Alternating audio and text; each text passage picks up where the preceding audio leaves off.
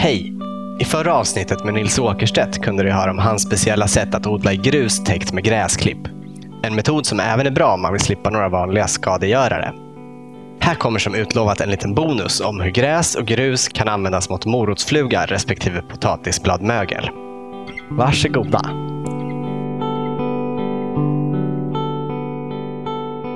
Morotsflugan är ju otroligt besvärlig.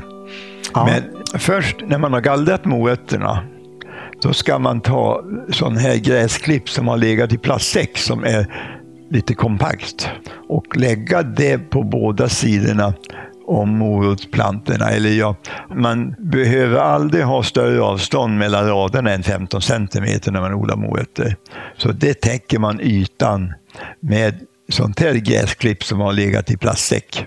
För att det blir då liksom lite mer kompakt. Och det är bara för att ytterligare försäkra sig om att motslugan ska ha svårt att komma ner. Men sen lägger man, när blasten är ungefär en decimeter, då lägger man på en decimeter gräsklipp. Försiktigt men så nära plantorna som möjligt. Och efter ungefär en och en halv månad, då lägger man på en decimeter till. Och även då liksom försiktigt emot plantorna så att man inte skadar eh, blasten. Men det är, nu syns ju det att blasten var väldigt bra där ute.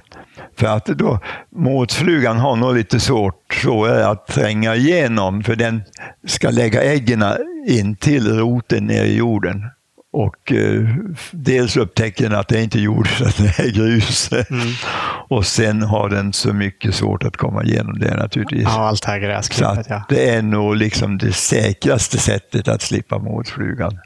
Och när det gäller potatis, om man sätter 30 centimeters avstånd mellan varje potatis i raden och 30 centimeter mellan raderna. Ja. Det är alldeles utmärkt. Under förutsättning att det inte är på sådana ställen där det brukar bli bladmögel. För att då måste man ha större avstånd mellan raderna För att få lite luftigare. för att få luftigare. Ja. Ja. Fast ett mycket bra sätt mot det där med bladmögel, det är då att man sätter det i sand istället. ja, inte använder jord. För då är potatisen färdig en månad tidigare drygt. Och Ja. det är just den tiden då bladmögel kommer. Så då gör det ingenting, utan då tar man bara bort blasten. För att då är potatisen klar, så får den ligga ner i sanden tills man tar upp den.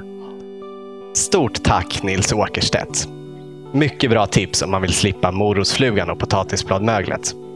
Och har du inte hört hela det långa avsnittet med Nils så har du något att se fram emot. Vi hörs snart. Hej då!